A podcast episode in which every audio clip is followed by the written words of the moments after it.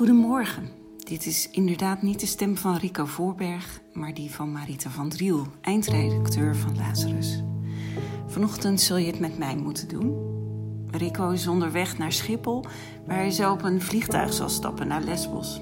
Je kunt nou eenmaal niet alles tegelijk.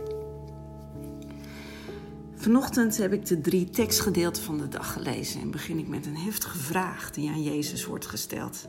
Wat moet ik doen om eeuwig leven te verdienen? Het is een strikvraag die wordt gesteld door iemand die de Joodse wet bestudeerde. Even die vreemde rabbi uit Nazareth uittest of hij wel zuiver in de leer was.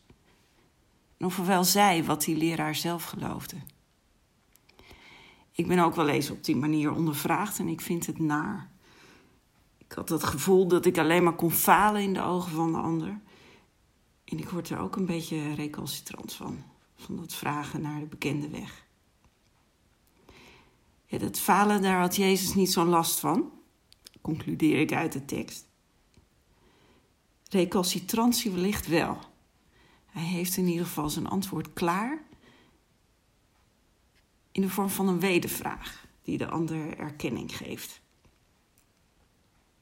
En in de teksten staat dan: Hij sprak tot hem: Wat staat er geschreven in de wet? Wat leest ge daar? En hij gaf ten antwoord: Gij zult de Heer uw God beminnen met geheel uw hart en met geheel uw ziel en met al uw krachten en geheel uw verstand en uw naaste gelijk uzelf. En Jezus zei: Uw antwoord is juist. Doe dat en ge zult leven klaar over, denk je. Het is duidelijk, maar het is niet klaar, want de wetsleraar die zoekt een uitvlucht uit dit allesomvattende antwoord en gooit er nog maar een vraag achteraan. Hij zegt: Wie is dan mijn naaste? En dan gaat Jezus vertellen. Over een man die overvallen wordt op de weg tussen Jeruzalem en Jericho en half dood wordt achtergelaten. Over een priester en een leviet de dominee en de koster, zeg maar, die met een grote boog om hem heen lopen. En over een Samaritaan, die naar de man toe gaat, zijn wonden verzorgt en meeneemt op een ezel en aflevert bij de herberg waar hij verder verzorgd kan worden, op kosten van de Samaritaan. Het is een verhaal dat ik goed ken, maar waar ik toevallig afgelopen weekend opnieuw naar leerde kijken. Ik woonde een online conferentie bij, waar Amy Jill Levine sprak. Ze is Joods en professor in het Nieuwe Testament. Een opmerkelijke combinatie. En ze wil het Nieuwe Testament meer in de context van het Joodse denken plaatsen. En ze vertelde een paar opvallende dingen over dit uh, verhaal. Ze zei: Allereerst is het vreemd dat Jezus in dit verhaal een Samaritaan opvoert. Het geeft te denken. Want voor Joden in die tijd was het een bekend trio: de priester, de leviet en de Israëliet. Het was net zo bekend als voor christenen vader, zoon, heilige geest. Iedereen wist hoe je dat aan moest vullen, dat, die opsomming.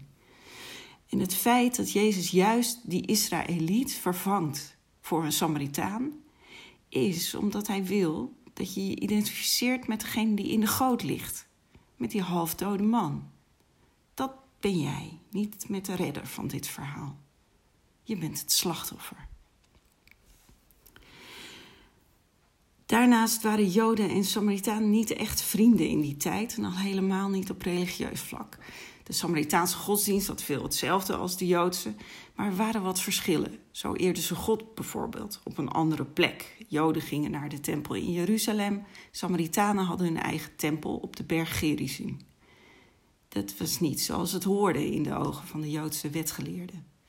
En, vertelde Amy Jill, wellicht heb je bij dit verhaal wel eens de verklaring gehoord dat de priester en de leviet doorliepen omdat ze door het, af, het aanraken van de halfdode man onrein zouden worden, waardoor ze niet meer in de tempel mochten komen.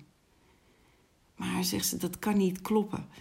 Het is een valse voorstelling van het Joodse geloof, want voor Joden was een mensenleven altijd belangrijker dan voorschriften.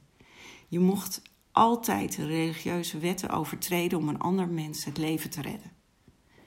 Het is dus aannemelijker dat de priester en de leviet gewoonweg angstig waren. Er waren rovers op die weg.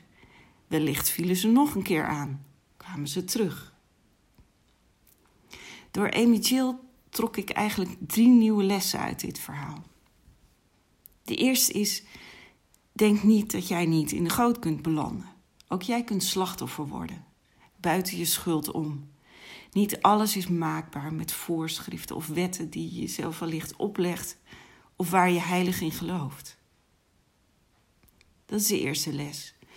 De tweede is: je hulp komt soms uit de onverwachte hoek. En dat maakt dat je anders gaat kijken naar mensen om je heen en zeker niet neerkijkt op ze.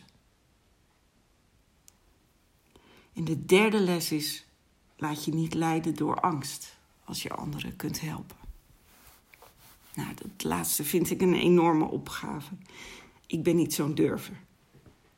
Maar soms moet je je angst achterlaten omdat het de redding is van de ander. Ik uh, neem hem mee vandaag en kijk wat er op mijn pad komt. En Rico neemt hem mee het vliegtuig in naar Lesbos. En zo is hij er dan toch een beetje bij vanochtend. Het is bijna zeven uur. Daarom sluit ik af met de bekende woorden. Ik wens je gezondheid, vrede en alle goeds. En moed, dat ook.